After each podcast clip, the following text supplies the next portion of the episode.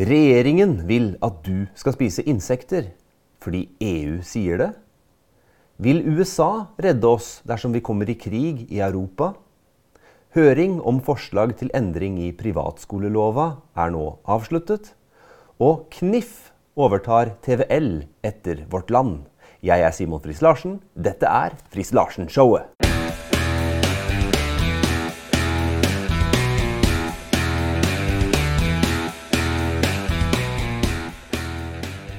Hvis du husker tilbake til en av de første episodene som jeg hadde her på Frist Larsen-showet, nemlig episode tre, så snakket jeg om at EU vil at du skal spise insekter.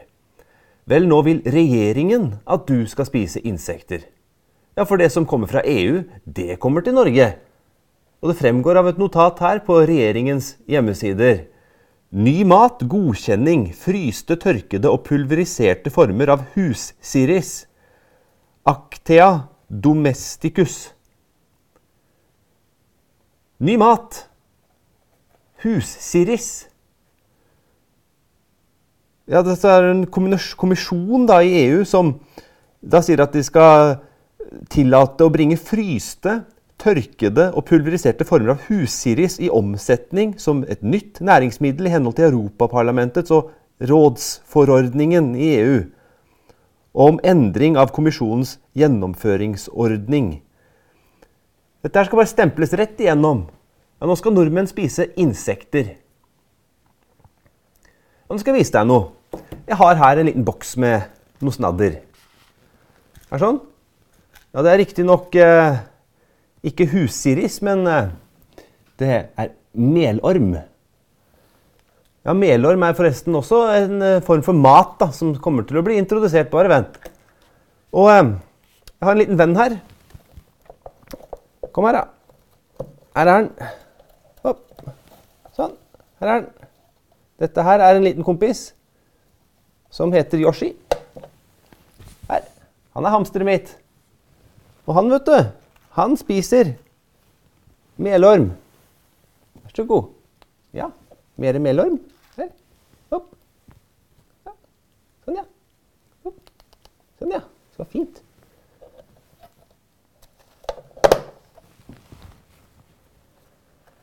Hvis jeg var ufattelig sulten og ikke hadde noe annet å spise, og jeg hadde det lille hamsteret der, ja, da hadde jeg vel, blitt ansett som fullstendig gal om jeg hadde spist han der. Men regjeringa vil altså at du og jeg skal spise det som hamsteret spiser. Hamstermat. Nam-nam-nam. Det skal vi fôres med. Nei takk. Vi skal ikke ha insekter i maten vår. Hussiris. mm, snacks. Ja, Det står riktignok at døperen Johannes spiste gresshopper, men det var da såpass snodig at det til og med står nedskrevet. Ja, de spiser insekter i andre land osv. Ja, men hadde de hatt noe annet å spise, så hadde de jo hatt det. Hadde de valgt det, garantert. Det er tre grunner, tror jeg, til hvorfor disse her insektene skal føres inn på det vi skal spise. På vårt matfat. Og det ene er at det er dehumaniserende. Vi blir dehumanisert. Det introduseres insekter, det laveste av det laveste som det går an å spise. Hamsteret mitt spiser insekter. Det er dehumaniserende. Vi får brekninger av tanken på det. Ja, Man kan sikkert komme forbi den der brekningsrefleksen. Men hvis man har noe annet å spise enn insekter, så tyr man til, til det, selvfølgelig. Man, det, insekter er det, det man går til hvis det ikke finnes noe annet. Det er dehumaniserende. Det er objektivt sett ekkelt og galt. Det er ikke noe som vi skal spise. Om det er moralsk galt, det får man jo vurdere, men det er i hvert fall ikke riktig at man skal spise insekter. og introdusere dette som ny mat. Og det andre er at det er kontroll. Når det kontrolleres hva vi spiser, så har man kontroll på folk. Folk har ikke råd til å gå og kjøpe kjøtt. Folk har ikke råd å kjøpe fisk. Vi som har all verdens med fisk. Og nå koster det så mye at vi har ikke råd til å kjøpe det vi er vant til å gå og fiske sjøl. Nordmenn og tradisjon og vårt eget matfat i havet. Nei, det blir for dyrt. Men så nå skal det være insekter. Vi har ikke råd til noe annet, så nå skal vi få vår rasjon med insekter. Ja, Kvern det opp, lag pulver av det. Da, da er det plutselig greit, for da, da, ser man jo ikke helt hva det er. Det er insekter, uansett om det er kverna eller fryst eller hva det er. Man skal ikke ha sånn kontroll over folk. Og det siste er at det er en måte å få unna alt det private på. For når folk blir dehumanisert, når folk blir kontrollert og ikke lenger har råd til å kjøpe den mat de trenger, og får sin rasjon med insekter, ja, da selger de alt de har. Da har de ikke råd til hus og hjem, eller landområder, ikke minst, for å drive gårdsbruk og drive jordbruk og ja, har man ikke råd. Og da må man selge det. Og hvem er det som kjøper det opp? De som har mest fra før. Det er de rikingene som flyr med sine privatfly ned til Davos og koser seg med de fineste retter. Skal fortelle resten av verden hvordan de skal leve. Og sitte der med sine insekter. Det er en måte å få kontroll over alle mennesker på. Og det må vi si nei til. Vi skal ikke si ja til å spise insektene. Nei. Insektene det kan hamsteret mitt få lov å spise. Men det skal ikke vi ha. Vi skal ikke bli dehumanisert, vi skal ikke bli kontrollert. Og vi skal ha privat eiendom, og vi skal kunne dyrke jord og produsere dyr og kjøtt og melk og det vi skal ha. Vi skal ikke ha insekter. Vil USA redde oss dersom det blir krig i Europa? Forskning.no har en artikkel der det står at eh, forskere frykter at USA ikke vil hjelpe Europa like mye neste gang det blir krig her. USA har til nå stått for 90% av våpenhjelpen til Ukraina. Fremover må vi i Europa forberede oss på å klare oss uten så mye hjelp fra USA, mener forskere. Uten USA hadde Russland tatt kontroll over Ukraina nå. Men neste gang det blir krig i Europa, kan vi ikke regne med at USA vil være like tungt involvert i forsvaret av Europa, tror forsvarsforsker.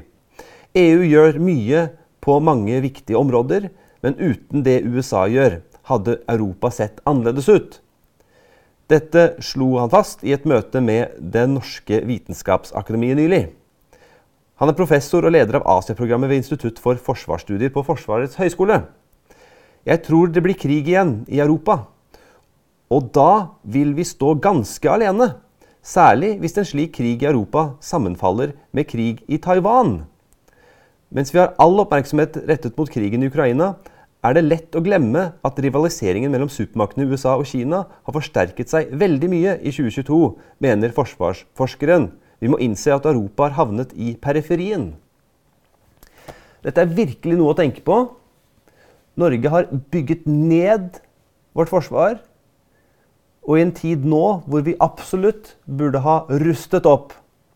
Og det vi så med USA, med den forrige presidenten, det var at USAs forsvar blei rustet opp. Så kom det en ny president, og det som skjedde da, var at USA trakk seg ut av Afghanistan på en håpløs måte. Dermed så kom Taliban tilbake. Russland gikk under Ukraina, og dermed har vi den krigen og den konflikten som pågår der. Spenningen med Kina er sterkere enn på lenge. Og det er nå den som det da er hovedfokus på i USA når det gjelder da Forsvaret. Så Europa kommer da i bakevja når det gjelder da forsvaret av Europa med tanke på hjelp fra USA. Og så kan man lure på hvorfor har det blitt sånn? Var det ikke sånn at eh, USA skulle redde oss hvis det skulle skje noe? Det ser ikke ut til at det, det nødvendigvis blir det, da? Fordi at Europa nå har begynt å ligne mer på USA på det moralske området. Det var, det var før man hadde et Europa som var veldig liberalt, og et USA som var veldig konservativt. Og Europa har påvirka USA til en viss grad, men så har USA pumpa ut gjennom innflytelse i akademia, i media og i skole synspunkter som er på ytterste venstre. Pumpa ut alt som har med kjønnsideologi å gjøre. Alt som har med raseteori å gjøre. Ting som har med å bryte ned ens eget land. Og da står du ikke lenger opp for ditt eget land. Alt skal være så enhetlig. Alt skal være likt for absolutt alle. Og det i seg selv er en god tanke. Det er bare det at når du praktiserer det på en sånn måte at man ikke fremhever det som er bra, så ender du opp med at ting bare blir dårligere og dårligere. Og den umoral som da oppstår i USA, den har fått påvirke Europa gjennom media. Gjennom det som da kommer igjennom av eh, lovverk der. Vi så jo det spesielt under koronatiltakene og restriksjonene. Og det vi ser nå, er jo da et Europa som er i moralsk forfall. Vi ser ikke behovet for forsvar, tror at vi kan lene oss på USA når de har mer enn nok med seg selv, sitt eget forfall og da trusselen fra Kina. Og Kina er de eneste som blir sterke av dette her. Kina har et ettpartistyre, diktator, og det er bare sånn at den umoral vi ser i resten av verden, den er ikke synlig der. Så de koser seg jo med å se på Europa og USAs forfall. For det de gjør da, er at de utnytter det, og de går inn. De trenger nesten ikke å bruke noe styrke engang, fordi at murene er rast ned. Det er nesten bare å gå og, og, og ta. Det vi så i USA ved forrige presidenten, var jo det at du hadde et USA som sto opp for de amerikanske verdiene. Og for en sterk nasjon. Jeg skal lese litt til i denne saken her. Det står at eh, vi kan ikke stole på amerikanerne. Selv om USA har fokus på Europa nå, ser vi helt klart at de er på vei tilbake til Kina som hovedutfordrer. Vi kan derfor ikke lenger stole på at amerikanerne skal være der for oss, mener da en professor ved Høgskolen Innlandet. Og så sier hun etter Donald Trump Det var hun som sa det, det var ikke jeg som sa det. Etter Donald Trump vet vi i Europa at et amerikansk presidentvalg kan endre amerikansk utenrikspolitikk og forhold til Europa over natten. Trump førte en America First-politikk. Ja. Joe Bidens politikk har mange likhetstegn. Amerikansk utenrikspolitikk er nå veldig sterkt drevet av amerikanske interesser. Joe Bidens politikk har mange likhetstegn. Og ja da, open borders og uh, Trekk dere ut av Afghanistan og etterlat uh, befolkningen til seg selv, og Taliban vokser og Ja, fortsett med disse her koronarestriksjonene. To år etter at uh, det var over. Fortsett å sende alt av militæret til, til, Ukraina samtidig som trusselen fra Kina er så sterk. Hadde aldri skjedd med Trump. Må ikke begynne å snakke om at det, Joe Bidens politikk har mange likhetstegn. Det er bare en måte å, å skal forsøke å si det at ja, ok, det er egentlig pga. han forrige at det er sånn som det er nå, for det videreføres av, av han vi har nå. Det var ikke sånn før. Det er blitt sånn som følge av Biden. Og at amerikansk utenrikspolitikk nå er drevet av amerikanske interesser. Vel, for det første så skulle jo det egentlig bare mangle. Men når du ser på hvor mye USA nå gjør i Ukraina, så kan man ikke si at det bare er drevet av amerikanske interesser, det de hjelper oss med. Eller hjelper de med, rettere sagt. Men spørsmålet er jo da om USA vil hjelpe oss hvis vi havner i en situasjon, i en konflikt, med eksempelvis Russland eller eh, noe annet. Ja, det tviler da disse forskerne på. Det tviler jo jeg også på. Fordi at Globalismen er så sterk. Du har USA og Europa som tenker veldig likt om ting nå. Den globale innføringen av makt og struktur. Og med et moralsk forfall og det hele, så har du da ikke et militært tankesett for å kunne forsvare land og folk og interesser og verdier det havner i skyggen. Så vi er nødt for å tenke at vi må ruste opp Forsvaret, ruste opp familier, styrke familier, styrke nasjonen. Legge bort dette her globale greiene. Hvis det var Høyre nå som hadde vært eh, ledende, så hadde det vært globalisme over hele fjøla. Det er faktisk sosialistene som holder igjen. For de veit ikke hva det er som kommer over oss. Men den vil ikke klare å holde igjen lenge nok. Sosialismen kommer til å måtte gi etter for globalismen. Det eneste som kan vinne fram, det er konservativisme. At vi finner igjen tilbake til de verdier, til den tro, til det folk, til de tradisjoner, det vi har av verdier i et land som Norge. Både materielt, men også åndelig og moralskt. Får vi reist oss opp igjen åndelig, moralskt, så vil vi kunne bygge opp militær. Vi vil kunne bygge opp våre verdier og våre materielle goder. Og dermed vil vi også kunne dytte tilbake på de truslene som kommer over oss. Høring om forslag til endring av privatskolelova er nå avsluttet. og Hvis du husker tilbake til episode 19, så tok jeg opp nettopp dette her med at eh, kunnskapsministeren ønsket å gjøre det lettere for kommuner å si nei til etablering av friskoler. Og nå er høringen avslutta. Det står høring om forslag om endring av privatskolelova til forskrift til privatskolelova kapittel 6a. Økt innflytelse for lokale folkevalgte statstilskudd til skoler godkjent etter privatskolelova kapittel 6a. Og det som dette går ut på, er jo da at uh, regjeringen ønsker at uh, etablering av nye såkalte pri, uh, privatskoler, tidligere kalt friskoler, skal kunne bestemmes kommunalt i kommunestyrer rundt omkring. Og Det vil jo i praksis si at enkelte steder vil det bli umulig å etablere kristne friskoler.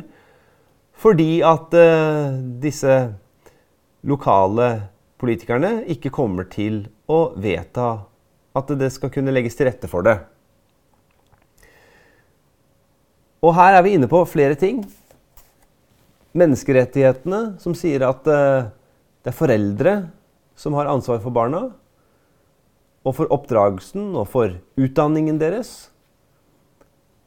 Det står ikke et ord i dette her høringsforslaget her om at foreldrenes rett skal ivaretas. At man skal kunne velge det skoletilbudet man ønsker for barna sine. At barn kan ønske å gå på en annen skole enn nødvendigvis den kommunale. Slike hensyn det blir ikke tatt i hele tatt. Det skal kun tas hensyn til kommunenes egen politikk, kommunenes økonomiske situasjoner, og at man skal angivelig da ha mangfold i da fellesskolen. Og dette her er jo veldig ironisk og selvmotsigende å snakke om mangfold, samtidig som man da fjerner mangfold nettopp fra skolen. At man ikke skal ha et mangfold av skoletilbud. Men jeg skjønner at det argumentet om mangfold faller. fordi at det mangfoldsbegrepet, det har jo da andre tatt eierskap i. Så, så snakke om at ja, mangfold i den betydning, men i denne betydningen så skal det ikke gjelde. Ja, det argumentet kan man gjerne bruke. Men det dette her virkelig handler om, det er jo at foreldre skal kunne ha bestemmelsen over hvor barna skal gå på skole. Hvis de ønsker å sende barna på en kristen skole, så har de rett til det, og de skal kunne gjøre det. Og et sånt tilbud da må jo kunne finnes i kommunen man bor i. Dersom foreldre eller andre aktører ønsker å starte og drifte en slik virksomhet, med da selvfølgelig full statstilskudd for den virksomheten. Fordi at barna har krav og rett på opplæring. Og foreldre har krav og rett på å gi barna den opplæringen som de ønsker. Så er det visse skoleverk og slike ting som man har felles. Men det er ulike pedagogiske tilnærminger. Og så er det jo da dette her med livssynsgrunnlag. Og Spesielt for kristne friskoler så er det da det kristne verdigrunnlaget og det kristne livssyn som da er utgangspunktet og forutsetningen for hele undervisningen, enten det gjelder matematikk, engelsk, matlaging eller KRLE eller hva det er. Så mennesker skapt i Guds bilde, av en Gud som vi kjenner alle sammen. Han har skapt alt. Vi er skapt i hans bilde, dermed så vet vi ting fordi at han vet alt. Vi kan oppdage, vi kan utføre, vi kan utforske. Vi har kunnskap, vi kan tilegne oss ferdigheter og masse visdom. Egenskaper og ting vi kan ta med oss, gode relasjoner. Ut fra et kristent livssyn så gir alt det der mening. Men regjeringa ønsker å avkristne. De vil ikke ha Jesus inn i skolen. De vil ikke ha det kristne livssyn. Så da bruker de vikarierende argumenter for å fjerne disse anledningene. Før var kristendommen det gjennomgående i all skoleundervisning i Norge. Så gikk man inn, og så begynte man å begrense det, og så ble det et fag til slutt. Nei, og så skulle man ikke ha det faget. Og så Ja vel, hvis du vil ha det der, så får du starte egne skoler. Ja, og så begynte folk å starte egne skoler. Ja, også når de skolene ble vokst og mange ønsket å gå på de skolene, nei, da skal man ikke få lov å ha de skolene, og ikke få lov å lage nye. Da skal man ta bort det man har etablert. Og det er der også konservative må være mer proaktive og ikke være ettergivende og gjetter og gjetter og gjetter. For til slutt, når du har gitt etter nok, så forsvinner alt sammen. Men så kan også dette her det her vil jo bli vedtatt, men det kan jo også da være en velsignelse in disguise, en blessing in disguise, som man sier på engelsk. Altså en velsignelse som man da ikke nødvendigvis ser med en gang. For dette betyr jo at det er innbyggere nå som har makta. For når vi nå går til valg i 2023, så vet du at du må stemme på de politikerne som ønsker kristne friskoler. For da skaper man flertall for det, og da blir det. Så nå er det jo faktisk foreldre som sitter med makten. Så det er en måte å se det på. Selvfølgelig så skulle ikke dette her vært noe som kommunen skulle bestemme. Dette her skulle ikke vært vedtatt. Det kommer til å bli. Men når det først blir vedtatt, så vet du det at du må gå til dine lokalpolitikere og finne ut hvor de står i disse sakene. Og så stemmer du deretter. KNIF overtar TVL etter Vårt Land. For et par episoder siden så nevnte jeg nettopp dette her med at uh, Vårt Land la ned TV-driften sin, TVL. Men nå har altså TV-kanalen fått nye eiere. Så da er ikke kanalen lagt ned likevel. Og det står i Verdinytt Vårt Land ga opp. Nå gir de bort TV-kanalen. Knif AS har overtatt TV Vårt Land AS helt gratis og viderefører driften. Jeg håpet på et mirakel. Det var langt på vei det som skjedde. Med god hjelp fra Knif, sier en svært fornøyd TVL-redaktør, som nå blir daglig leder i Knif Media AS. TVL-prosjektet er for godt til å avvikles. Norge fortjener en kanal med kristent innhold av høy kvalitet og med et bredt nedslagsfelt, opplyser da konsernsjef i Knif AS. Og Kristen-Norges innkjøpsfellesskap, altså KNIF, jobber sammen med ca. 70 organisasjoner, kirkesamfunn og institusjoner. KNIF AS opplyser at de onsdag undertegnet avtalen med Vårt Land om å overta TVL. De overtar selskapet gratis, eller vederlagsfritt, som det nå heter. Samtidig styrker de økonomien i selskapet med 5 millioner kroner. Så det var jo bra, da. Det kom inn litt penger der òg. Dette er et gunstig utgangspunkt, slik vi ser det. Kanalen er blitt tatt godt imot i markedet, og ble på kort tid den største kanalen for kristent innhold på lineær flater. Dessuten har den gode digitale løsninger som videreutvikles. Og fortsetter omtrent som før. Kanalens profil og redaktørens frihet vil ifølge Knif være uendret.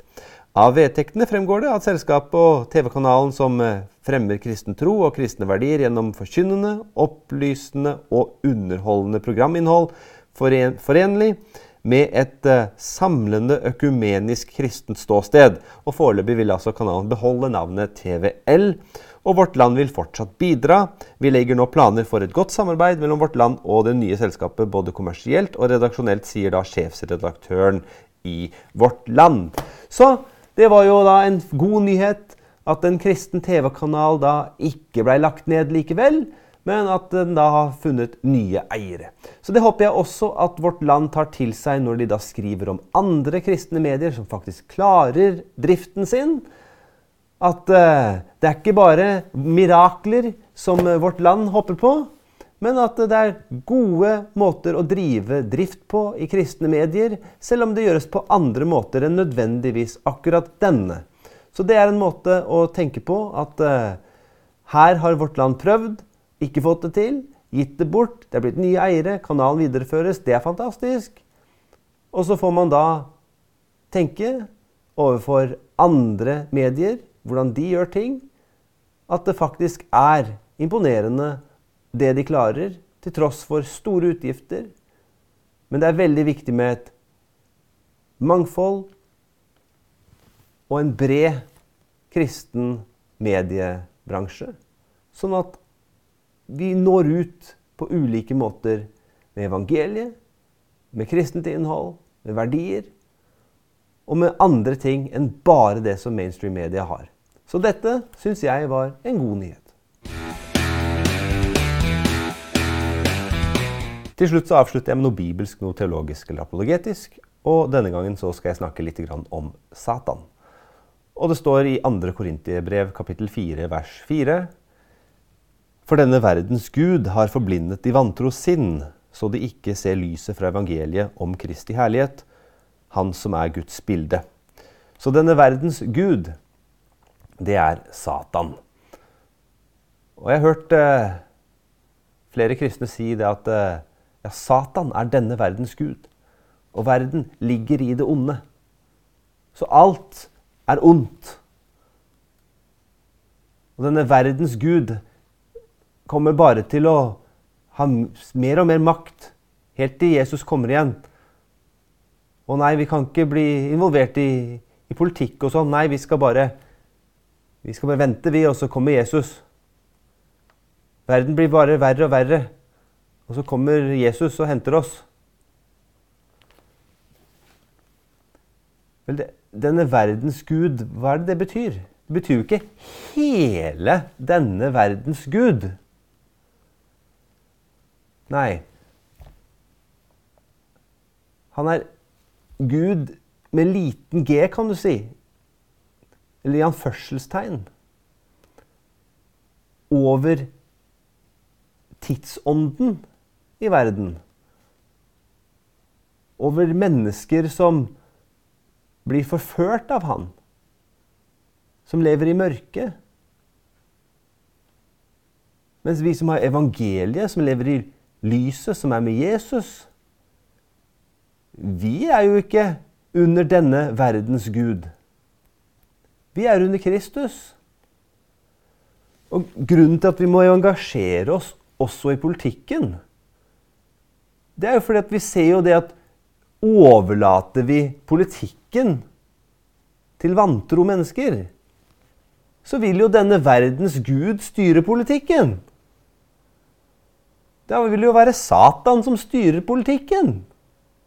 Da får vi jo ugudelige og antikristelige lover.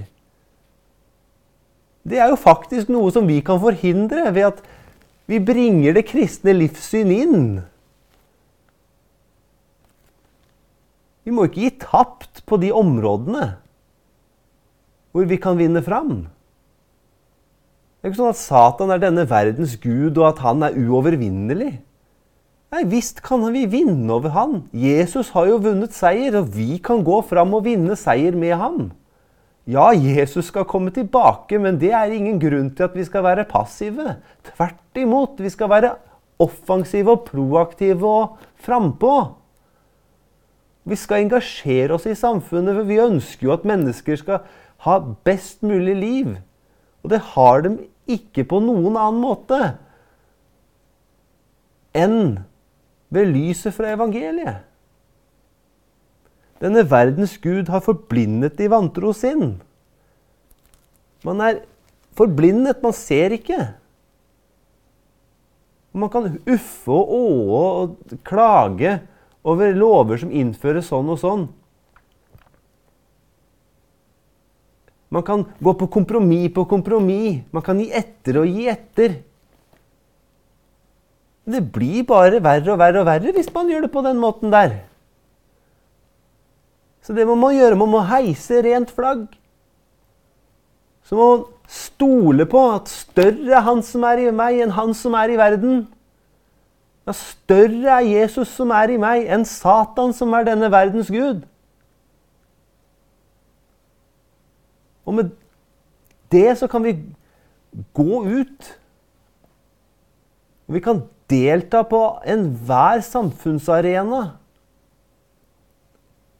Vi må ikke fragmentere livet og putte det i sånne båser. Ja, kristenliv her, og privatliv her, og arbeidsliv her, og politikk der, og sånn og sånn. Og strenge vanntette skott mellom. Nei! Som kristne så er vi kristne 24 timer i døgnet i enhver sfære. Og Gud er Gud overalt. Det er ikke sånn at 'meg er gitt all makt i himmel og på jord', sier Jesus.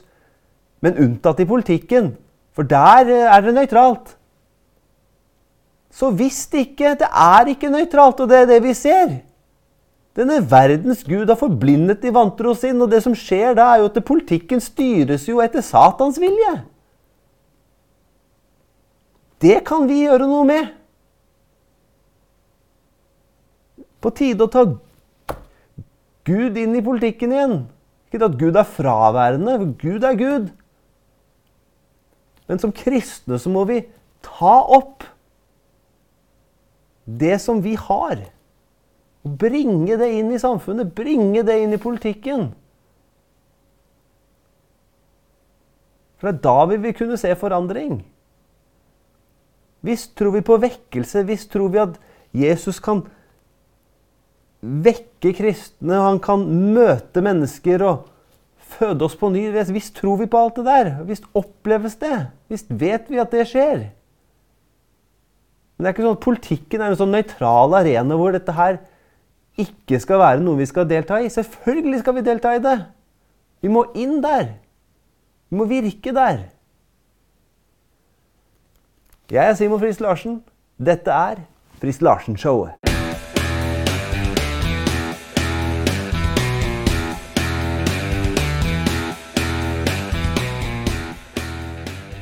Takk at du ser på eller lytter til Friis Larsen-showet. I dagens politiske mediebilde så når ikke konservative budskap ut av seg selv. Generisk vekst er best, og det oppnås ved aktiv følging, liking og deling. Hvis du setter pris på Friis Larsen-showet, så benytt abonner-knappen på YouTube, følg-knappen på Spotify, og følg gjerne Simon Friis Larsen, kristen politiker, på Facebook.